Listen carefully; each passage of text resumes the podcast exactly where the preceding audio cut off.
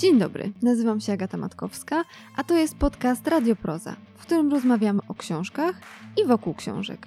Najbliższe trzy odcinki kręcić się będą wokół finału literackiej Nagrody Europy Środkowej Angelus.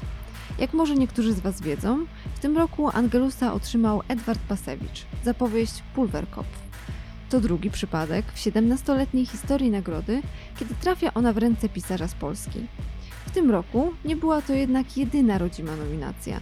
Poza Pasewiczem w finale znaleźli się też Katarzyna Surmiak-Domańska z Czystką oraz Andrzej Stasiuk nominowany za Przewóz. Ale zacznijmy od spotkania z tegorocznym laureatem. Rozmowę z Edwardem Pasewiczem prowadził Dawid Szkoła. Miłego odsłuchu.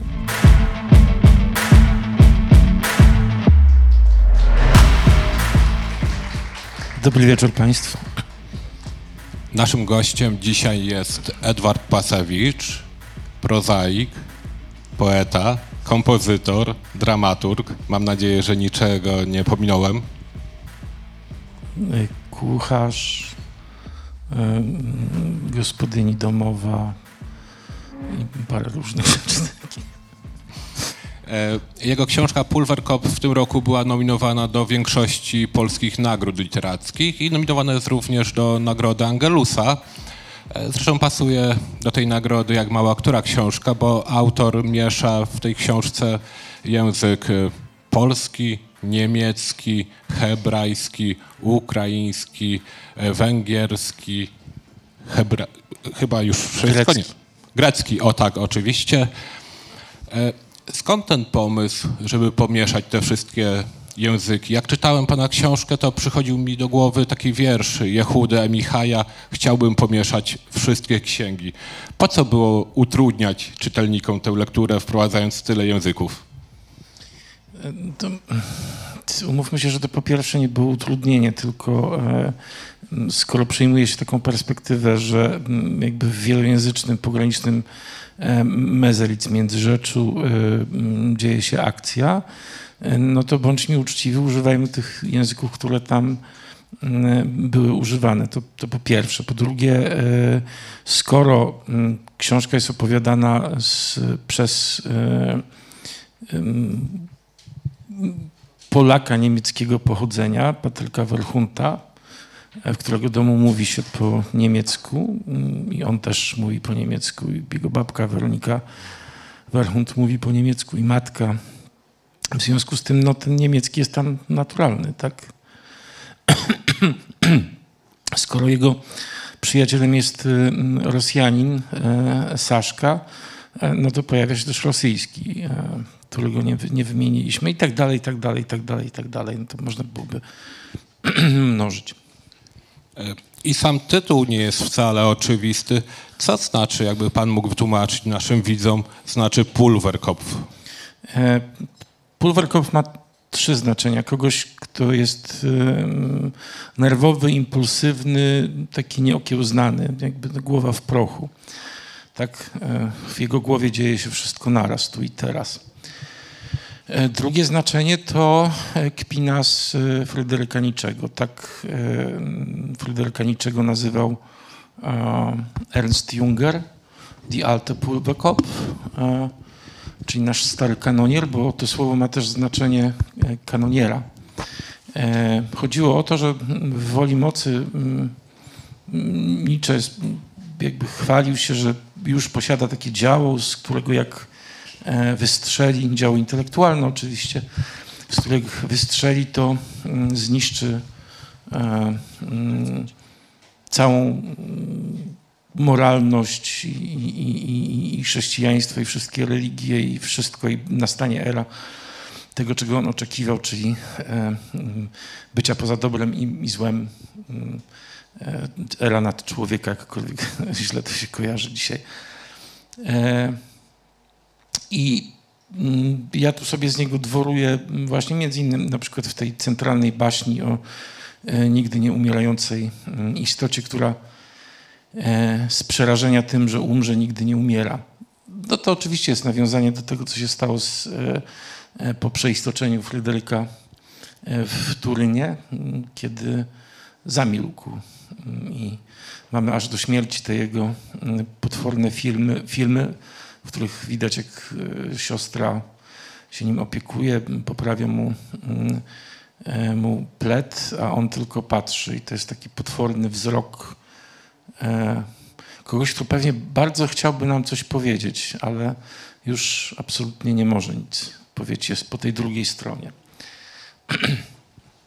No tak, bo pana bohater również y, jest w Turynie, gdzie właśnie tak. E, Fryderyk Nietzsche oddalił się od ludzkości ostatecznie, prawda? Tak, dokładnie, no bo ja, ja byłem tam e, w tym turnie. Mamy mm, przyjaciółkę, do której e, jeździliśmy. No i byłem w tym, i byłem w tym pokoju, widziałem to miejsce, widziałem tę ulicę, na której to wszystko się zdarzyło i to jest takie no, dziwne, w ogóle Turyn jest dziwnym mie miejscem takim magicznym. Znaczy, znawcy ezoteryki twierdzą, że to jest e, miasto na przecięciu dwóch linii, czarnej i białej magii. I ta, że właśnie jakby na tym starym mieście, dokładnie na tym Piazza Carlo Alberto przecina się czarna i biała mm, magia. No, no ja tam nic nie czułem takiego magicznego, poza tym, że piękny, piękne miasto jest i, i można przejść pod arkadami. Jasne, bo pan też oprócz wszystkich języków miesza też język muzyki, język fizyki kwantowej, język gnozy. Jest to dość misterna konstrukcja. Główny bohater, Patryk Werchund, również mówi trzema głosami. Tak? Tak. Mógłby panie przybliżyć? No do, dobrze, co do misternej konstrukcji, to, to zaraz. Wszystko dzieje się na trzech planach. To znaczy w roku 93, kiedy Patryk e, odkrywa swoją nie tylko seksualność, ale historię i tajemnice rodzinne. E, w jego nieudanej powieści i dziennikach, to znaczy nieudanej powieści, to my nie wiemy tak naprawdę, czy ona jest nieudana, bo ona została po prostu zniszczona w pewnym momencie e, w akcie desperacji, co zresztą nawiązuje, jakby jest odbiciem do tego, że Norbert von Hannenheim e, niszczył swoje symfonie, uznając, że pisze je jego sobowtór, który miał być taki diabelski bardzo. E, no i trzeci to, jest, to są te dzienniki, notatniki i notatki babki, które się ciągną od lat 900 właściwie do momentu mm, jej, jej śmierci. Na czym polega konstrukcja? No, mm, czasami mówię dla uproszczenia, że fuga. No i tam jest coś takiego jak, jak fuga. Na przykład dla... Mm, e, na czym polega fuga? Fuga to jest taka forma muzyczna, w której fugare, czyli uciekać dosłownie, w której pojawia się temat, a następnie podejmuje ten temat następny głos, następny głos, ten temat trochę ucieka, potem się go znowu łapie, pojawia się w basie, w wiolinie i tak dalej, i tak.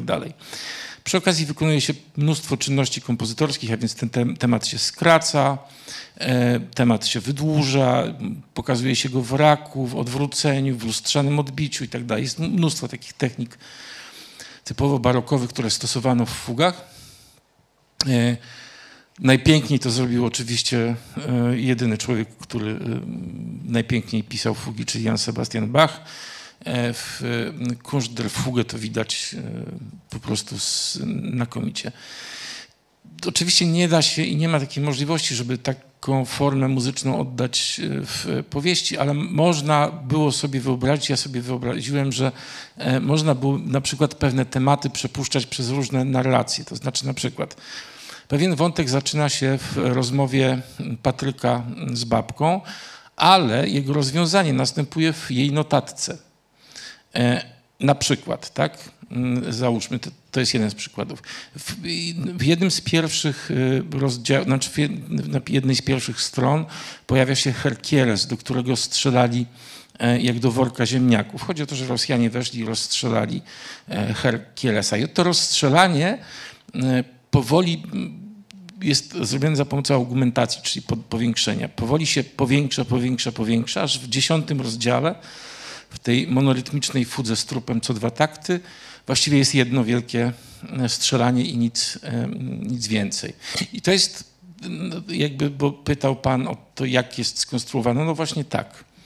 mniej więcej. Tak 12 rozdziałów, bo 12 dźwięków w stroju równomiernie temperowanych i 12 dźwięków, dlatego że na tym oparty był system mm, e, Arnolda Aschenberga, czyli e, dodekafonia, Arnolda Aschenberga, który tam w tej powieści też występuje. To może zacznijmy od tej babki właśnie Weroniki Werchund, która jest międzyrzeczaninem. Kim jest międzyrzeczanin? Mezelicer. Mezelicer, tak. No, to jest... Co byli ludzie, te, w zasadzie to już ich chyba praktycznie nie ma, bo powymierali, no bo to już za moich czasów, kiedy ja byłem mały, oni już mieli mnóstwo lat.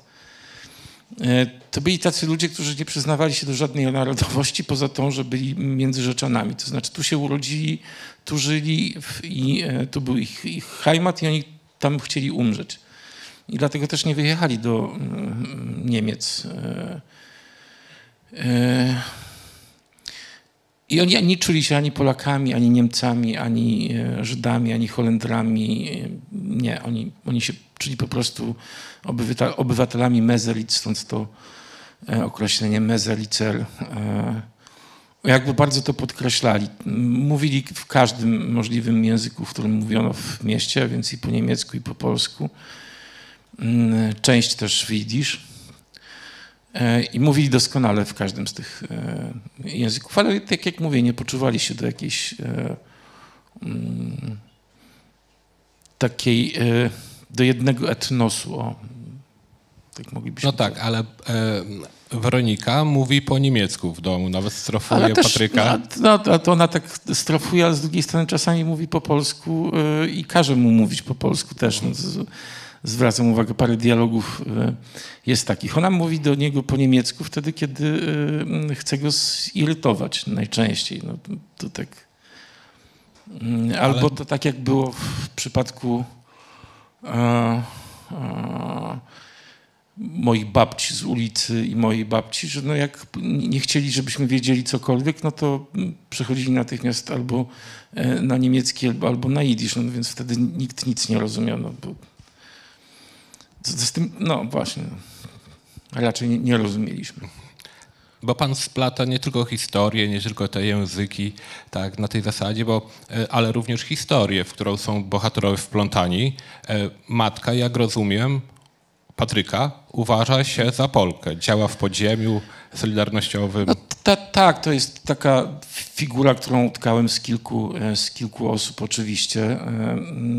To w pewnym momencie w Międzyrzeczu w, w latach 80 E, ktoś bardzo inteligentnie w Polsce wpadł na pomysł, żeby składować odpady radioaktywne w bunkrach międzyrzeckich, które nie tylko są, e, były miejscem zimowania tam setek gatunków e, nietoperza, ale to było po prostu ewidentnie niebezpieczne. Jeszcze przy, w latach 80., kiedy te zabezpieczenia były bez sensu i, i, i naprawdę groziłoby to mm, ogromnym niebezpieczeństwem, więc mm, bardzo wielu ludzi, ja też już jako szesnastolatek praktycznie e, brałem w tym udział, oczywiście nie w tym w takim e, tak mocno jak inni, tak? Więc ludzie się przykuwali łańcuchami do, były protesty, było o tym głośno w Polsce mm, i w gazetach, i w telewizji.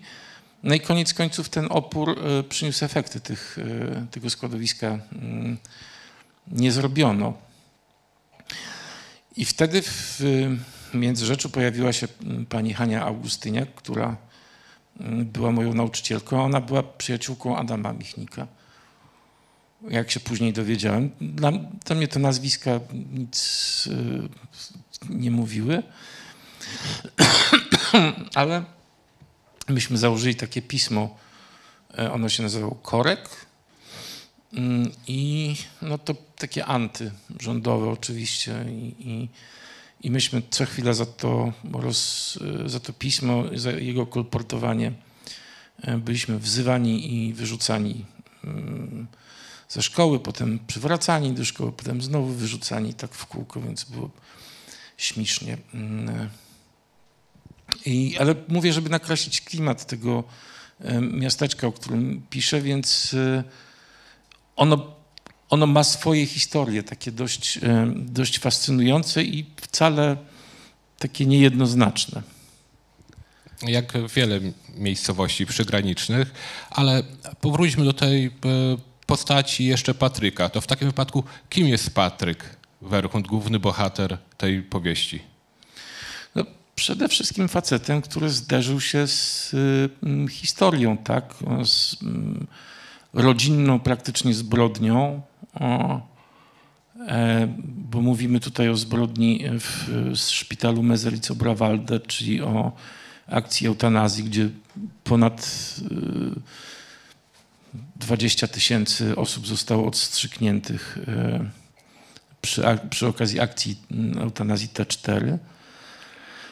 Y, I mówimy o tym, co się stało, jakby powieściowo w jego życiu, o tym, że odkrywa swój homoseksualizm, z którym chyba też tak nie bardzo się godzi, bo E, różnie na to można, można spojrzeć. I to, że jakby przez swoją babkę zostaje niejako zakażony tą historią. On mówi, że w pewnym momencie, że zanim mm, zaczął własne życie e, dorosłe, to ona po prostu wsączyła jak jad e, swoje i, i, i, i tak żyje. Na jednej stronie pada takie zdanie, traumę można dziedziczyć. Można ją dziedziczyć? E, no można, są badania, to znaczy dziedziczymy traumy i to prawdopodobnie ostatnio czytałem e, na Scientist, e, że to jest trauma do kilku pokoleń, że to nie jest tak, że, że i, to, i to dziedziczymy ją genetycznie. Więc to może być tak, że trauma z jakiejś wojny pierwszej może wybuchnąć w dziewiętnastolatku w tej chwili, tak? Więc mm, to, co prawdopodobnie przeczuwali pisarze od zawsze, bo wielu przecież o, o, o tym pisało, e, powoli znajduje potwierdzenie naukowe. Dobra, bo w takim wypadku mamy kilka tych płaszczyzn. E, i tutaj dochodzi nam jeszcze jedna płaszczyzna muzyczna. U pana w powieści pojawia się Norbert, Norbert Hannenheim. Von Hannenheim. Dokładnie tak, który jest dość oryginalną postacią, którą nawet trudno wygooglować w polskim y, Google. No to nie, no jest trochę. Nawet na YouTubie jest y, trochę jego muzyki. To znaczy to, co zostało z jego muzyki, umówmy się, bo, bo większość jego, y, jego dzieł uległa zniszczeniu. On był E, uczniem mm, Arnolda Schoenberga mm, i Paula Granera. Mm, Paul Graner to mniej wybitny kompozytor, ale wcześniej dość e, ceniony pedagog e, niemiecki. On zresztą utrzymał Norberta przy życiu, ponieważ Paul Graner po wejściu, dojściu nazistów do władzy został prezydentem Muzycznej Izby Rzeszy. I to w zasadzie on e, trzymał no, Norberta przy życiu i, do, i, dokładnie w miesiącu, w którym umarł e, Paul Graner, to był miesiąc, w którym Norbert von Anheim został załadowany do e, szpitala i odesłany chwilę później do Mezelico Obrawalde, no, które było, krótko mówiąc, obozem zagłady, niczym więcej dla osób chorych psychicznie, mm, bo tego dotyczyła, dotyczyła ta, ta eutanazja. Mamy spis e, jego kompozycji, w tym jest siedem symfonii, 12 kwartetów smyczkowych, mamy cztery, mm, przy czym dwa o oznaczeniu 12, ale różnych. Nie wiemy dlaczego tak, tak jest. E, kilkunastu sonat fortepianowych zachowało się też 12. Kilkudziesięciu pieśni. On jako pierwszy kompozytor na świecie pisał pieśni do słów e, Rainera Marii Rilkego. E, większość z tych rzeczy została zdeponowana w e, banku w Berlinie, e, który oczywiście został zbombardowany, mm, zbombardowany, zalany i, i pod gruzami, a to, co z niego zostało po odgruzowaniu, to sowieccy żołnierze załadowali na pociągi i te kasy pancerne mm, odstawiono tam. co się stało, tak naprawdę nie wiadomo, bo e, miałem znajomego z Rosji, już nie mam, e, e, który opowiadał mi, że gdzieś pod Omskiem są takie magazyny, gdzie do dzisiaj stoją pociągi z II wojny światowej, w ogóle nie rozpieczętowane i nie rozładowane. Więc nie wiadomo co. Mm, wszystko to, co nakradli, mm, przewieźli do Rosji i, i, i, i zrobili. Więc być może istnieje szansa, że te wszystkie partytury w mm, tym, w którymś z tych sejfów y, są. E, no ale jest nikła. O nim e, pisał e, taki wybitny izraelski muzykolog Paul Grandewitz.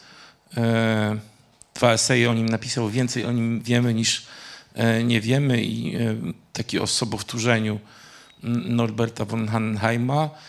Pisał o nim Nikos Skalkotas, inny nieszczęśliwy kompozytor, który też po wojnie zmarł z głodu, żeby było śmieszniej. Nie w czasie, tylko po. Zresztą no, Norbert też zmarł po wojnie. E, pisał o nim Erich Kleiber i to, było, to był chyba punkt wyjścia, mm, który mnie utwierdził, że dobrze zrobiłem, biorąc się za tę postać. Mm, mianowicie Erich Kleiber w liście do, do żony. Mm, e, a trzeba powiedzieć, że to był człowiek, który bardzo rzadko okazywał jakieś uczucie. Jeden z najwybitniejszych dyrygentów XX e, wieku, a być może i wszechczasów. czasów człowiek, który no, z kamienną twarzą dyrygował, nikt nie wiedział, co on sądzi o mm, danym utworze i ewentualnie jak go pytano maestro, no, good. I tyle. Więc on w liście do, do żony pisze o premierze, o mm, próbach do premiery siódmej symfonii Hannenheima, pisze coś takiego, co mi się wydało znamienne. Zdanie brzmi, oto mamy kompozytora e, klasy Brucknera, e, Beethovena, Brahmsa. I oczywiście Erich Kleiber, który, no to, oczywiście była to muzyka nieporównywalna z e, Brahmsem, zupełnie inna stylistyka, tak, atonalna jak e, Uberga. W późniejszym okresie jeszcze e, e, taka uromantyczniona, rzekłbym. E, nie wydziwiona, tylko coś takiego jest w tej muzyce. Można sobie tego, mówię, na, na YouTubach posłuchać. On pisał takie krótkie sonaty, które e, nawiązywały e, formalnie do Domenico Scarlattiego. No, ponieważ Norbert, dlaczego Domenico Scarlatti? Ponieważ Norbert von Hanheim wraz e, z Ferruccio Buzonim i paroma innymi wariatami na scenie mm, muzycznej 20, początków XX wieku byli przekonani o tym, że Domenico Scarlatti nie tylko nie umarł, nigdy, ale też znalazł e, eliksir nieśmiertelności i jego skład e, zaszyfrował w swoich pierwszych 55 e, sonatach. No, oczywiście, że to jest śmieszne, no, to, ale wtedy wierzono w takie, w, w takie rzeczy. No i tyle. No. Cierpiał na taką bardzo poważną chorobę właściwie na dwie. Jedna to schizofrenia, to jest oczywista, druga to sobowtórzenie. On miał e, podczas I wojny światowej uszkodzony lewy płat skroniowy, mm, a to momentami u niektórych pacjentów powoduje mm, sobowtórzenie. On miał ten, tę odmianę sobowtórzenia, która mm, powodowała, że jego sobowtór robił inne rzeczy niż on. Stąd jego opowieści twierdził, że niektóre części jego muzyki napisał jego sobowtór, a nie on. I on, on był tym dobrym, a sobowtór był tym złym. To z jego symfoniami jest podobnie jak z naszym patronem tutaj, Bruno Schulzem, którego Mesjasz też być może się gdzieś znajduje w rosyjskich archiwach, chociaż no tak. tego nikt nie wie. E, ale proszę powiedzieć nam, skąd u pana się wziął ten Norbert von Hannenheim? Jak pan wpadł na ten pomysł, żeby on się znalazł w tej powieści? Bo to jest bardzo w ogóle ciekawe. No to jest bardzo proste. Wynika z y, jakby warsztatu pisarskiego. Pisarz, jak chce o czymś napisać, to tym bardziej, że jest to jakiś fakt historyczny, to idzie do archiwum i sobie w tym archiwum różne rzeczy czyta. No i ja czytałem o tej e, akcji e, w mezolicy Obrawaldo o eutanazji, o e, doktorze Grabowskim, o doktorze Mycu i nagle był tam wykaz ofiar. I wśród tych ofiar właśnie widnieli malarze, literaci, nagle Bach, Norbert von Hannenheim, kompozytor. No to pomyślałem sobie, o to coś dla mnie. No to trzeba zobaczyć, e, o co biega. No i jedna z pierwszych rzeczy, no to trafiłem na fragmenty tego eseju Grandewica. Mm, I im dłużej to czytałem, im dłużej badałem tę postać, tym bardziej byłem e, zaskoczony, aż w końcu pomyślałem sobie, no mam e, diament w ręku, więc trzeba robić wszystko wokół niego. I jeszcze jedna sprawa, bo właśnie e, w tym szpitalu pracuje przecież Weronika Werchund tak. również i tam też gdzieś dziadek czy pradziadek Patryka. Werchunda jest SS-manem. Tak, jest Jörg Strathoff. To, był, e, to, to zresztą postać autentyczna. Nazywano go rewolwerowy Joe, nazywał się Jörg Strathoff. Skończył, tak jak opisałem to w powieści, E, po prostu był bardzo niefrasobliwym e, SS-manem i mm, wziął pacjentów z paranoją do prac polowych. I w zasadzie każdy, kto liznął chociaż odrobinę i pracował w e, szpitalach psychiatrycznych, wie, że nie wolno pacjentom z paranoją czegoś kazać. A tym bardziej, jak wykazują objawy zdenerwowania, to wszelkie użycie siły grozi skutkami odwrotnymi do, mm, do, do zamierzonych. I on rzeczywiście e, prawdopodobnie źle się czuli. E, e, coś się tam musiało stać, ale w każdym razie praktycznie rozerwali go na strzępy. Rewolwer jednego chyba zabił, rewolwer nie pomógł, po prostu go zatłukli czym tam, czym tam mieli, po czym uciekli. Tam tygodniami ich wyłapywano. E, ale to był człowiek, który mm, dokonał wielu e, złych e, rzeczy, nie mówiąc o morderstwach, o, o pobiciach tych pacjentów. On był odpowiedzialny za selekcję pacjentów wraz z taką doktor, ona się nazywała doktor Wernicke.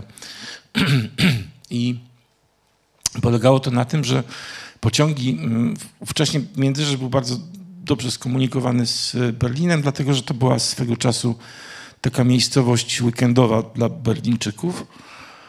E, a w samym szpitalu zbudowano rampę, więc ten pociąg z Berlina, mm, z mm, Charlottenburga mógł spokojnie wjechać e, niezauważony praktycznie E, w sam środek e, zakładu.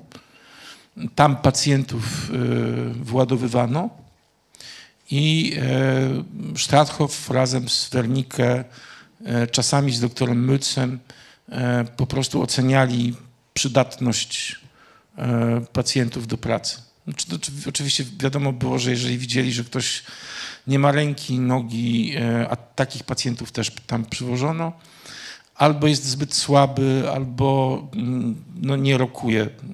Czego od razu zabierano ich na oddział 21, e, gdzie podawano im luminal i następnie w ciągu nocy podawano im e, zastrzyk, który nazywano gnadtot, czyli śmierć z łaski, zastrzyk łaski. E, to była mieszanka skopolaminy z morfiną 2 do 1, odcięcie świadomości, odcięcie oddychania, koniec. Kropka. Czyli już mamy powoli kontekst historyczny pana powieści, ale to jest tylko jedna część, bo jedna, ta powieść się dzieje na kilku płaszczyznach historycznych. Druga część jak gdyby się dzieje w 1993 roku, kiedy Patryk, Wo e, Patryk Werchund budzi się rano Tutaj jeszcze wrócimy do tej konstrukcji, bo końcówka książki jest tak, że zaczyna się snem i kończy się snem, tak. prawda?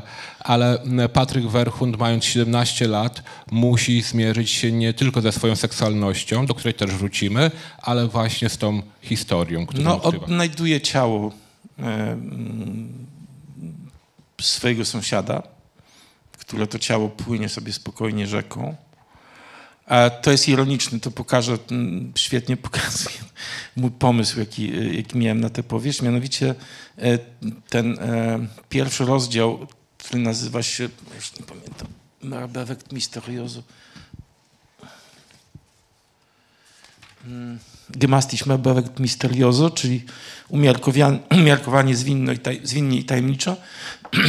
To jest tytuł pierwszej części trzeciej symfonii Brucknera, Antona Brucknera, e, mm, Demol. Ja tam zrobiłem w nawiasie in C, czyli w C, żeby było trochę t, t, takiego zamieszania. Dlaczego w C? E, mianowicie e, ta symfonia ma podtytuł Wagnerowska. A teraz w Zygfrydzie e, mm, Zygfryd, jak, tru- wra- po tym jak już jest trupem e, e, Zygfryda, spływa Renem e, mm, i, i jest ten słynny marsz żałobny, pienia i tak dalej. I tutaj tak właśnie e, Henryk Tański spływa obrą, która tutaj ironicznie robi za mm, Ren. I to jest pierwsze nawiązanie do Wagnera i niczego w tej, w tej powieści. I druga sprawa, e, on się musi też zmierzyć ze swoją seksualnością, która w tej powieści wydaje też mi się dość ważna. To znaczy, i, i tak nie, no jest ważna, no bo, no bo to jest taki element, który, który dla 17-latka każdego jest ważny, więc musiałem go ująć. Ale tam jest jeszcze inny wątek. y, Mianowicie to jest rok, w którym, a właściwie nawet miesiąc, w którym ostatnie oddziały rosyjskie opuszczają e, Polskę. W każdym razie te, które opuściły e, bazę w Kęszycy Leśnej, to były wojska radiolokacyjne radzieckie. Mm. Tam jest sprawa tego bankietu, który robi matka, ale to nie o to chodzi. Chodzi o taką klamrę. E, W książce jest też opisane wejście Rosjan do, e, do Mezelic. I więc ona opisuje zarówno wejście, jak i wyjście. I to wyjście opisuje wnuk, a wejście opisuje babka Weronika e, Werchund. I tam takich klamr i mm, takich wątków no, jest, e, jest mnóstwo. No tak, jak wspomnieliśmy, chociażby to, że książka się zaczyna prze, przebudzeniem, a koniec jest snem, prawda?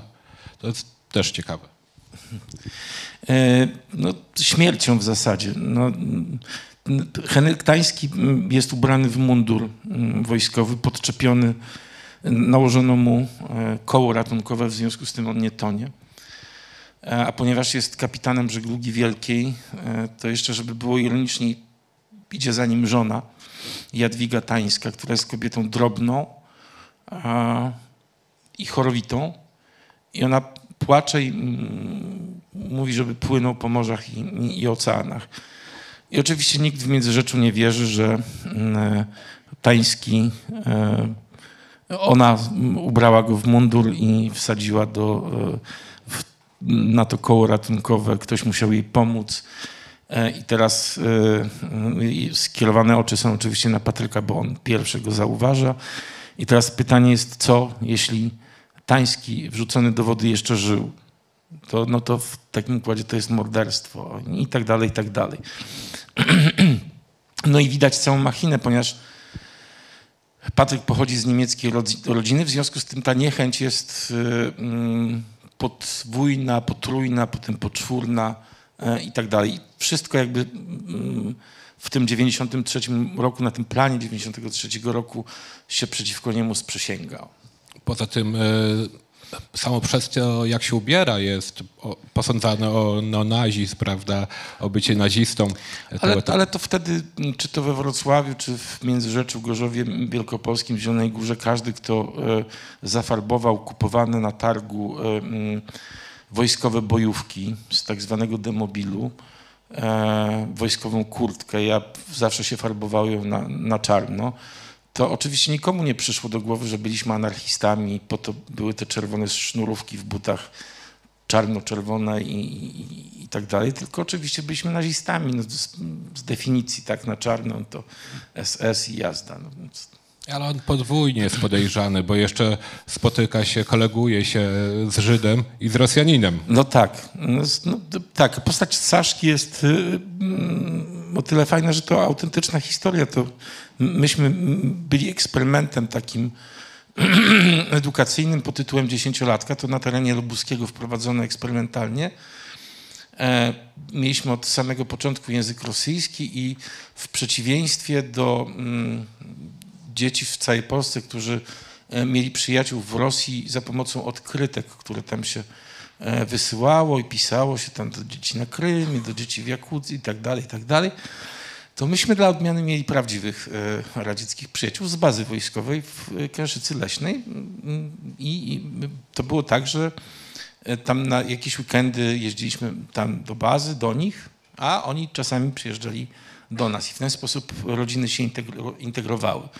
Moja mama na przykład robiła na tym świetny interes, bo e, kupowała kawę, e, która tam była w tych w tamtejszych kantynach wojskowych. No wiadomo, że oni mieli, a w Polsce, znaczy po, w Międzyrzeczu nie było tej kawy, więc e, była reglamentowana wtedy jeszcze na dodatek. No więc to, przynosiło to różne wymierne korzyści. A Saszka wbrew temu, co mm, w powieści się z nim dzieje, nie będę zdradzał.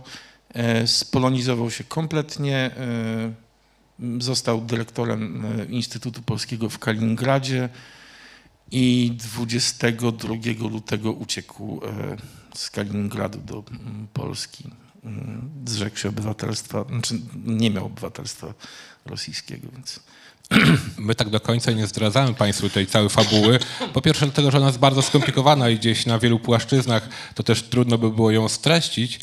A historia Kajetana też jest prawdziwa? E, mm, znaczy, no, o tyle prawdziwa, że Kajetan istniał. Tak? No, był taki chłopak, to mój kumpel. E, I rzeczywiście gdzieś wyjechał, ale czy wyjechał do Argentyny, to nie mam zielonego pojęcia. tak to sobie wymyśliłem. Jakoś ta Argentyna mi E, pasowała. No tak, właśnie. Jasne.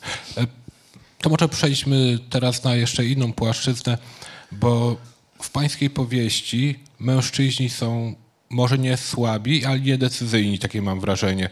To kobiety ogarniają ten świat. Szczególnie babka i matka. Nie wiem, może narażę się kolegom z pracy i z wojska, ale ja tak naprawdę uważam, kobiety są decyzyjne. No, przestańmy się oszukiwać, że to mężczyźni w ogóle nie mają sensu. Chodzi o to, że mm, sposób widzenia i postrzegania świata przez kobiety jest mi. E, i, dlatego Weronika Werchun to opowiada tutaj większość rzeczy. No, ja zawsze ilustruję to na, na, takim przykładzie. Kobieta jak wejdzie do hotelu, do pokoju i spojrzy na pościel, na ten pokój, to ona doskonale wie, co się w tym pokoju wydarzyło. Ona po prostu ma od razu wgląd na całą historię i nie trzeba jej niczego opowiadać. Umiejętność badania szczegółów, nawet nie badania, dostrzegania szczegółów, jakich większość mężczyzn po prostu nie dostrzega, to jest coś, co daje kobietom nad nami ewolucyjną przewagę zdecydowanie, tak, tak uważam, przykro mi. No ale tutaj wychodzi na to, że ci mężczyźni tak się ciskają wśród tej historii. Do końca nie wiedzą, co chcą robić, kim chcą być. E, ta historia ich niesie, a kobiety są osadzone tu i teraz. Muszą ogarnąć ten świat po prostu. Kiedy mężczyźni tworzą no, ale, teoretycznie tę wielką historię, z której... Ale wie pan co, no to, to, jest, to wynika z y, ewolucyjnych przystosowań. Mm, kobieta musi podejmować bardzo poważne decyzje. Mm, po pierwsze, musi y, założyć gniazdo, dom, tak?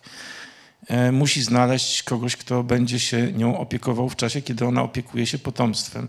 Poza tym każda kobieta, przynajmniej większość, e, oddaje 20 do 20 paru lat swojego życia e, w potomstwu, a nie ma pewności, czy to potomstwo w jakikolwiek sposób się odwdzięczy.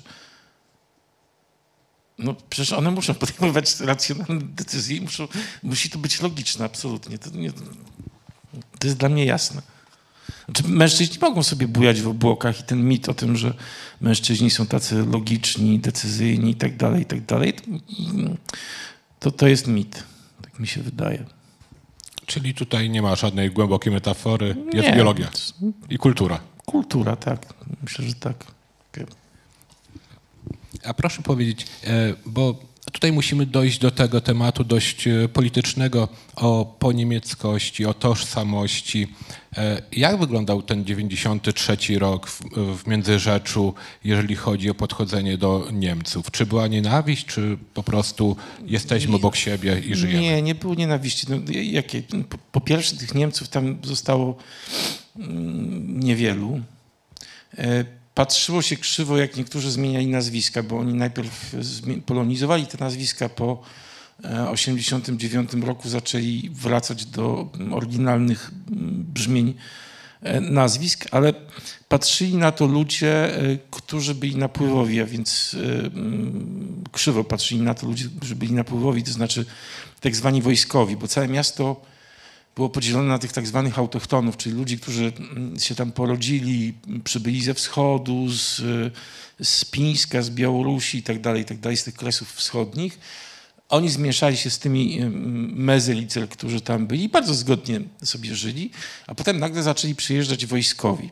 Wojskowi sobie pobudowali bloki, e, mieszkali w tych blokach i uważali się za lepszych, no bo ci znowu mieszkali w tych poniemieckich domkach, i tak dalej. I te antagonizmy oczywiście były na poziomie ekonomicznym przede wszystkim, no bo mm, wiadomo, wojskowi lepiej zarabiali, ich dzieci chodziły e, do trochę lepszych szkół, e, panie nas sadzały w, e, rozsadzały tych tak zwanych miejscowych od tych wojskowych i tak dalej, i tak dalej, co powodowało konflikty w szkole, bicie się na podwórku i tym podobne typowo chłopackie głupie rzeczy. No, Pytam dlatego, bo ja jestem ze wschodu i u nas ta historia, przeszłość żydowsko-ukraińska została po prostu wyparta i zapomniana. Jak gdyby przed 45 rokiem nie było innej tradycji niż Polska. E, najciekawsze jest to, że pierwsza rzecz, jaką pamiętam, e, to była taka mm, piosenka takiego punkowego zespołu w, lat, w latach 80 E, ja nie, nie zaśpiewam jej teraz, bo to nie ma sensu, ale e, refren był Mezelic, Mezelic. E, poza tym ja od dziecka słyszałem o tym, że mówiło się o tym mieście Mezelic. Międzyrzecz. Dzisiaj zresztą też ma na, na Facebooku e, nazwę Międzyrzecz slash Mezelic. E, więc mam, odnoszę takie wrażenie, że te... Mm, 700 lat polskiej i 700 lat, 450 lat polskiej i 400 czy 550 lat e, niemieckiej, nie pamiętam dokładnie, nie, w każdym razie mniej więcej po połowie e, obecności i po jednej i po drugiej stronie granicy e, sprawiło, że ludzie, nie wiem, jakoś inaczej podchodzą do tej, do tej historii. Teraz się nikt nie wypiera, no pojawia się coraz więcej historii wokół, e, wokół Mezelic Obrawalde. Jest tam taka pani, mm, e, która w samym szpitalu zajmuje się archiwum, która wyciąga e, niesamowite historie. Ostatnio opublikowała historię listów mm, pacjenta tego, tego szpitala, który mm, próbował uprosić żonę, żeby go uratowała stamtąd. Niestety się nie udało. E, historie opowiadające o, o, tym, że w zasadzie były takie przypadki, kiedy można było uratować tych, e, tych pacjentów. E, historia córki Bauera. Mm, po prostu pan Bauer przyjechał i powiedział, że córka jest potrzebna na żniwo. No to nic, że jest trochę niesprawna intelektualnie, ale żniwa są. Więc panie, oddaj mi pan córkę, powiedział do doktora Grabowskiego, a ten mu ją oddał, a więc ona nie wróciła do, więcej do szpitala, w ten sposób e, przeżyła. I takich historii jest tam mnóstwo. Ja, to, to, co ja zebrałem tutaj, to jest naprawdę część tylko, bo to, to ta książka musiała być trzy razy większą objętość. A zgodzi się pan ze mną, że ta książka no, w warstwie fabularnej jest o historii, o Patryku, o jego rodzinie, tożsamości, ale tak naprawdę jest o niespełnieniu? No tak, no bo e, w zasadzie nikt tam mm, niczego nie osiąga, a nawet jeżeli osiąga, to to e, jest niszczone przez e, zewnętrzne i niezależne rzeczy. No to widzę Norbert von Handenheim, tak? Niszczy go najpierw pierwsza wojna światowa, a kompletnie niszczy go druga wojna światowa. Po drodze ma te chwile, kiedy e, po prostu dostał się w tryby historii w nie, nie, nie, nieodpowiednim e, momencie.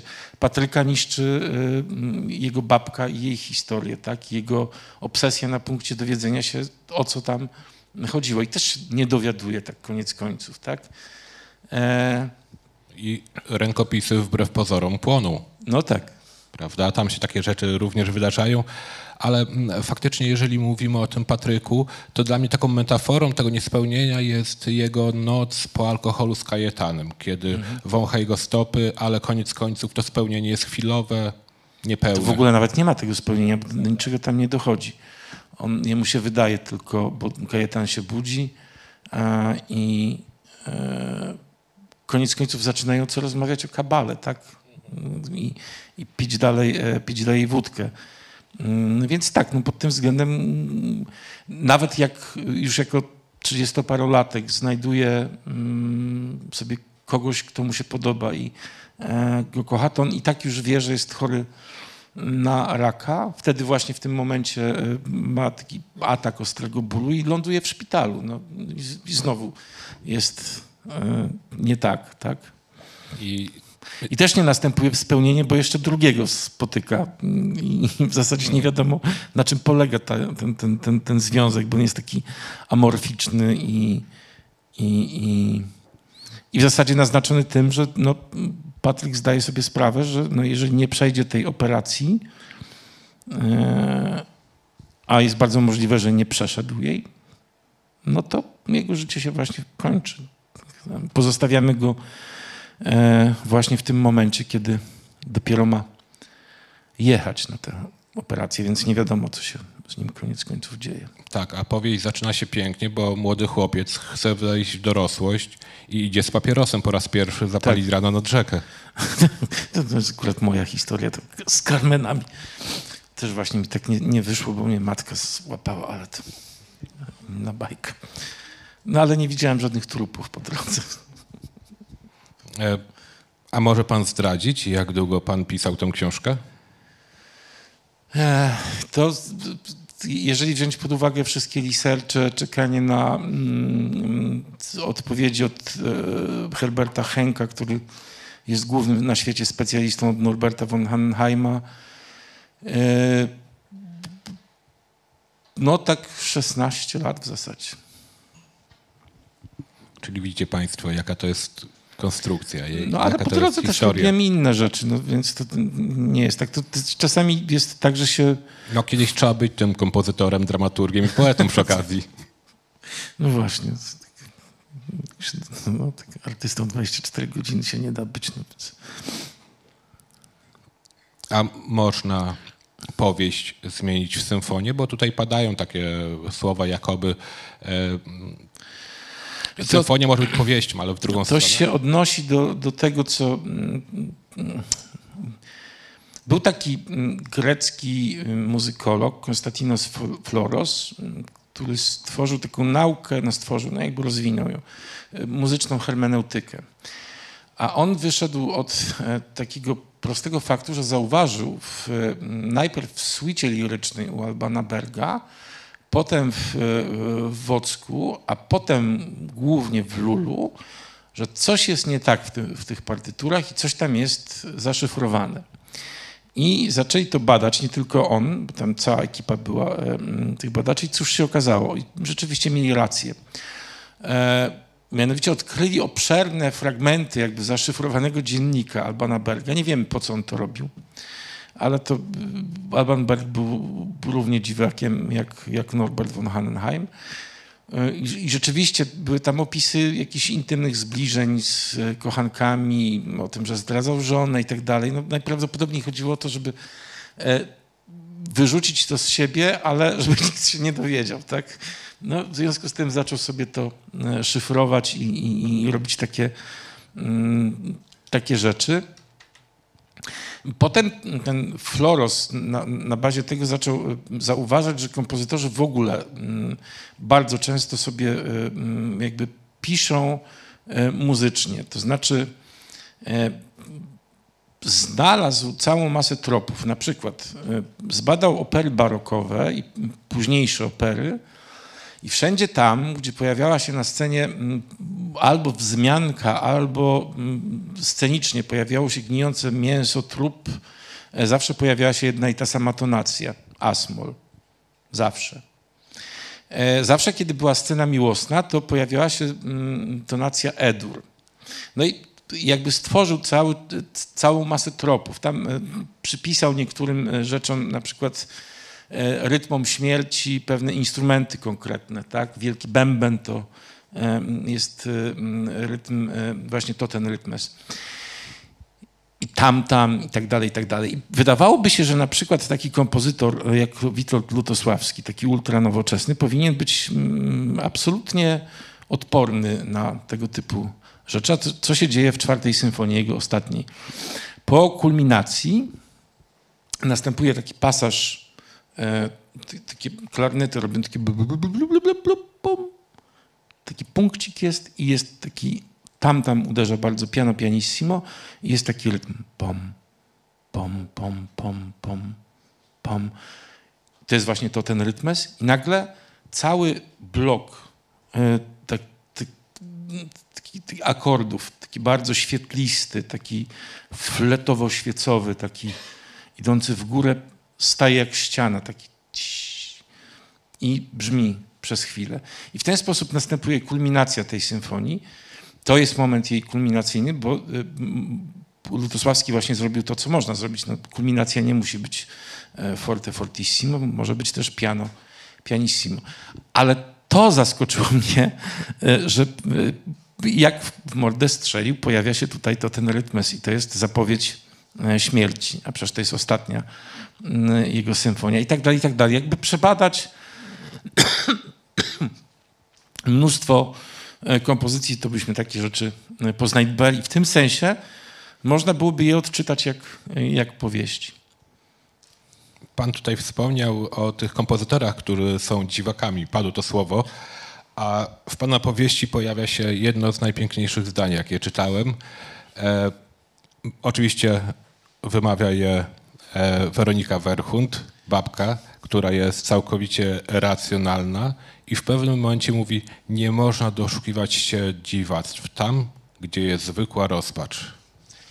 No tak, ona to mówi w kontekście, kiedy mm, mm, matka pyta ją, czy ona wierzy w to, że mm, e, można było ubrać, że Jadwiga Tańska mogła ubrać swojego męża w mundur i wrzucić do rzeki.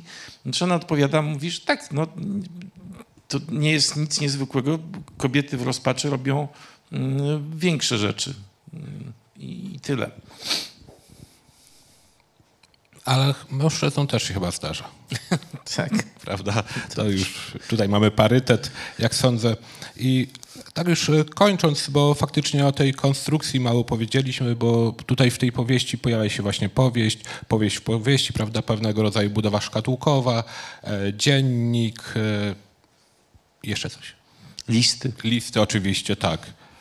Myślę, że to był duży problem dla redaktorów, prawda, żeby to wszystko ułożyć, bo te czasy ze sobą się po prostu zmieniają. Znaczy ułożyć to, to, to, to, jakby ja ułożyłem, tylko problem był taki, że i to, i to jakby muszę zawsze, zawsze im dziękuję moim redaktorkom i e, redaktorom. Po prostu mieliśmy mnóstwo rzeczy do sprawdzenia. E, już nie wspominając o uzgodnieniu interpunkcji, przemyśleniu bardzo wielu rzeczy no bez nich e, ja nie byłbym w stanie tego, e, e, tego sam zrobić. No samo, samo sprawdzanie, czy dana miejscowość w danym roku nosiła taką nazwę, jaką, jaką ja jej nadałem. Na przykład jak był, były fragmenty w, z czasów I wojny światowej, no to jakby idąc za ciosem pisałem już taką nazwę, jaka jaką zna, znajdowałem dzisiaj, ale zaznaczałem sobie, że trzeba to sprawdzić, bo e, niekoniecznie tak rzeczywiście ta mm, miejscowość się nazywała. I wielokrotnie okazywało się, że trzeba było znaleźć prawidłową nazwę i to była inna nazwa niż ta, którą początkowo użyłem.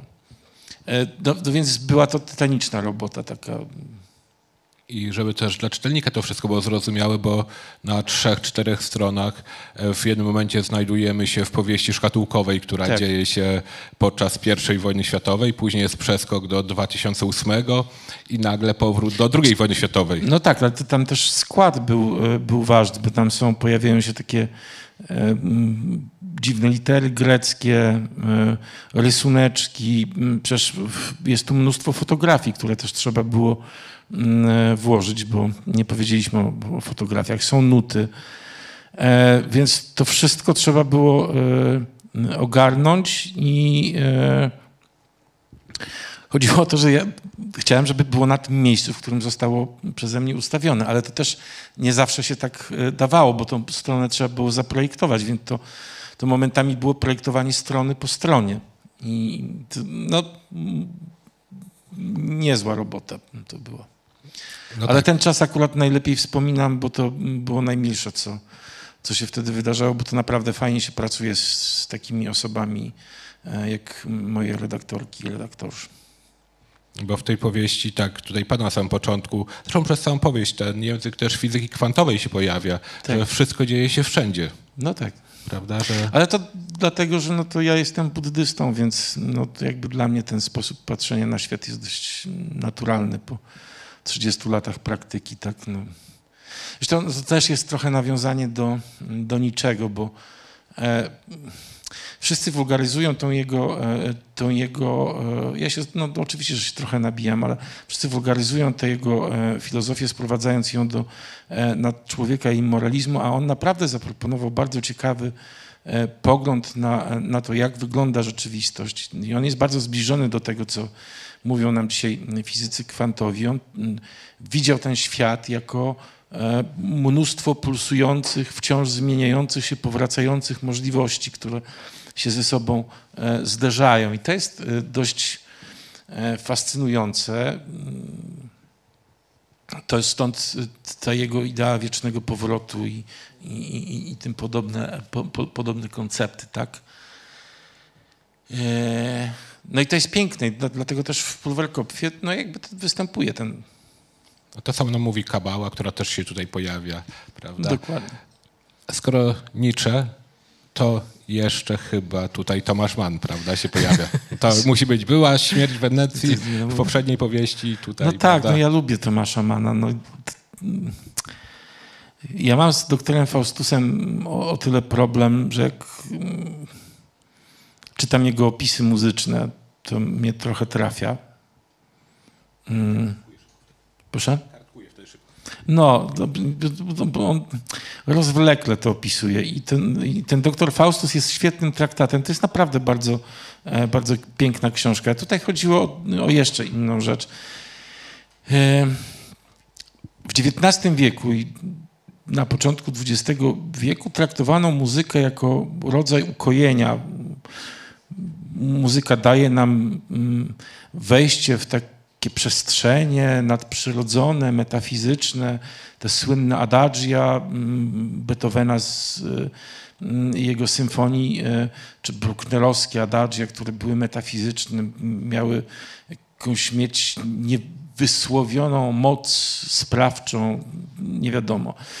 E, I przychodzi Adrian Liverkün, który odbiera ludziom nadzieję. Mówi, ja wam pokażę, że ta muzyka, tak jak przyszedł Arnold Schoenberg, że ta muzyka nie ma nic wspólnego z y, filozofią, metafizyką, nie niesie ze sobą żadnej miłości, przyjaźni, Boga i innych e, intelektualnych ekscesów. To jest 12 dźwięków o różnej częstotliwości, które można układać jak klocki w tym.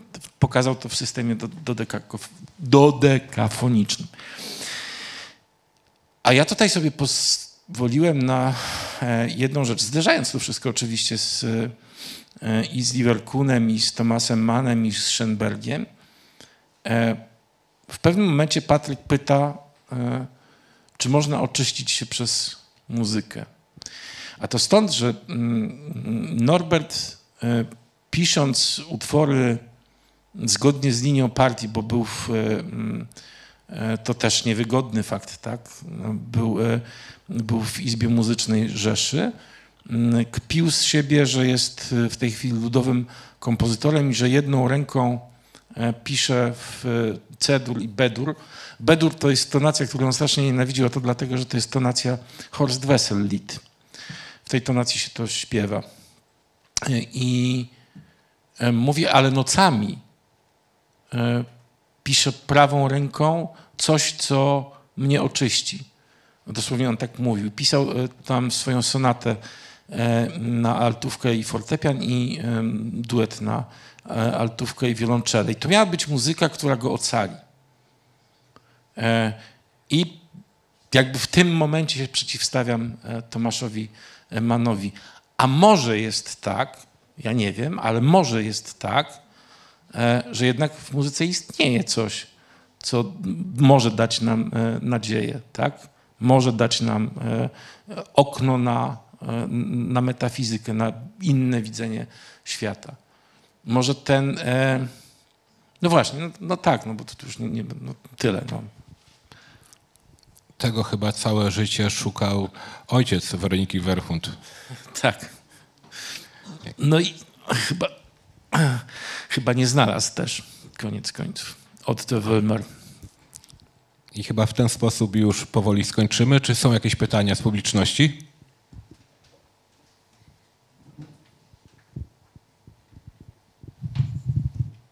Jest jedno pytanie z internetu, to w sumie proste. Co daje panu większą satysfakcję? Pisanie poezji, bo pan jest w końcu postrzegany głównie jednak mimo wszystko jako poeta, czy pisanie prozy i jeżeli coś jest bardziej satysfakcjonującego, co, co prze, dokładnie, żeby nie skłamać, co przemawia za poezją, tudzież za prozą? Ja też gotuję. I o to internauta nie pytał. I wiem, ale gotuję i wie pan, co jest najfajniejsze, kiedy, kiedy się gotuje i kiedy patrzy się, jak ludzie jedzą. Nie samo jedzenie, tylko to, że ludziom naprawdę smakuje i to jest najfajniejsze. Jak wyjdzie mi smakujący wiersz, to jest super. Jak wyjdzie mi smakująca powieść, to jeszcze lepiej. Jak wyjdzie mi smakująca muzyka, to w ogóle jest super, super. Na tym to polega chyba. Chodzi o to, żeby coś zrobić porządnie i żeby się ludziom podobało i żeby coś z tego wynieśli. To znaczy dać im coś.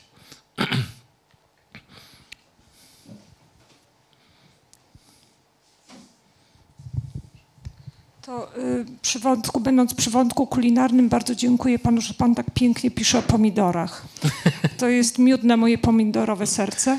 E, a chciałam jeszcze pociągnąć ten wątek zdjęć, bo one są mhm. tak pięknie wkomponowane w tekst, że wydaje się, że one są ilustracją tekstu, tak? I chciałabym e, zapytać, skąd one pochodzą, e, czyje to są zdjęcia, jak to się stało, że one właściwie uwiarygadniają tą powieść, bo ją się czyta tak, e, no jak rzeczywiście odnaleziony pamiętnik najprawdziwszy, prawda? Najprawdziwszej no babki. Tak. To jest tak. Nie chciałem korzystać ze zdjęć z Międzyrzecza. Jest ich mnóstwo. Na przykład zdjęcia z kamienicą Wolmera, z tą apteką, którzy, w której pracowali bracia Kühnowie. E, są zdjęcia samych braci Kühn. E, ale chodziło o to, żeby... Ja chodziłem po mm, e, targach w Krakowie. Tam można znaleźć te, takie mnóstwo różnych fotografii. Je wybierałem sobie. Mam całe pudło tego. E, wydałem na to mnóstwo pieniędzy ze stypendium e, ministerialnego, ale opłacało się. I mm, no, może zabrzmieć to dziwacznie, ale po prostu przeglądając sobie e, te fotografie, myślałem o tym, czy one do mnie mówią. Po prostu, jak mówią, to odkładałem. I wiedziałem, że w którymś momencie tekstu będzie można je wkomponować. A czasami było tak, że jak nie miałem pomysłu na rozwiązanie jakiejś, e, jakiejś kwestii, e, to ta fotografia jakby naprowadzała mnie na. Mm, była takim kołem zamachowym do, do pisania mm, dalszego. I na tym polegało kompon- wkomponowywanie ich e, w tekst. A co stało za tym, że pan aż kilkanaście lat pracował nad tą powieścią? E, Bo chyba nie chodzi tylko o sam research. Pan nie był pewien tego tekstu, ch- cały czas coś musiał poprawiać, czy jeszcze inne może jakieś czynniki takie Znaczy, wydawnicze za tym stały? Nie, to było tak. Powieść była gotowa w 2015 roku, mniej więcej. Potem zaczęło się czyszczenie. No to, żeby wyczyścić taką powieść, no to trzeba, bo ona wtedy miała no, tysiąc stron, może nawet i więcej. Żeby, to potrzebna, potrzebna jest mm, przestrzeń, czyli no, przynajmniej rok bez zaglądania do tego maszynopisu. Wtedy pojawiła się Beata Stasińska i zaczęliśmy mm, szukać wydawcy. A ja sobie bardzo powoli, dzień po dniu, e, czyściłem, mm, przerabiałem, przekomponowywałem materiał i mm, szukaliśmy wydawcy trzy lata, tak naprawdę. E, Wielka litera wzięła to w e, 2019 roku, no i potem zaczęła się zwykła praca redaktorska. redaktorska. Ona już trwała w, e, e, przy tej powieści. No to, to, nie, nie dało się tego zrobić w kilka e, miesięcy. No ja, ja nie jestem też z drugiej strony Remigiuszem Mrozem, e, więc I to też nie jest lektura, którą się szybko czyta. Tam jest trochę takich dołków dla czytelnika, w które można wpaść, te języki, o czym tutaj mówiliśmy. Zresztą ja tutaj autorowi mówiłem przed spotkaniem, że znalazłem taką opinię w internecie. E, Pani czytelniczka pisze wprost. A po co autor tam daje tyle języków? Czemu utrudnia czytanie? Przecież można było zrobić od punktu A do punktu B do C i nie mieszać nawet historii. By- Był też pan, który mówi, że rozpoznaje miejsce, rozpoznaje między, że postacie fascynujące, ale tam fabuły nie widzi. To b- b- b- ludzie czytają jak chcą i bardzo fajnie. No. no ale najwyraźniej czytał, jak widział te języki. No. A można zapytać, jakie wydawcy mieli opinie na temat książki, jak odrzucali, czy nic nie mówili? E, może, nie, nie, nie, może nie mówmy. To jeszcze jedno pytanie ode mnie. E, Znany jest pan głównie jako poeta, to już e, jeden z internautów z, zauważył. Śmierć w Darkroomie to było kilkanaście lat temu i nagle teraz pojawia się powieść obsypana. Chyba wszystkie możliwe nominacje dla prozy. Tak, wszystkie Te większe pan e, otrzymał. Czy to jest jakiś taki impuls dla autora, że kurde, może jednak ta proza to jest to, czym teraz powinienem Autor jak skończył Pulwerkopfa, to w 2015 roku zaczął pracę nad następną powieścią, więc to jest 2030. Nie, myślę, że o wiele szybciej. Ale to, to wydawca jest, książka jest wyliserczowana tak jak trzeba. Teraz e, trzeba wysiedzieć te godziny na pewnej części ciała i to e, musi nabrać mm, mięsa. Ja chciałam zapytać, czy ma pan może jakieś swoje popisowe danie, y, które najlepiej na świecie pan robi?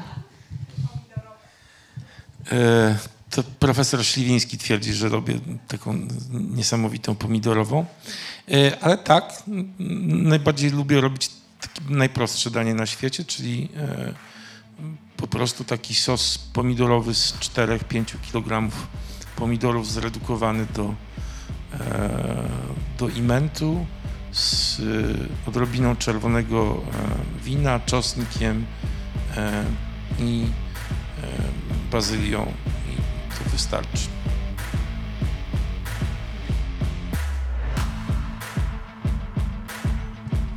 Czy to wszystko, jak rozumiem? Bardzo dziękujemy autorowi nie tylko za książkę, ale dzisiaj za rozmowę. Dziękuję bardzo.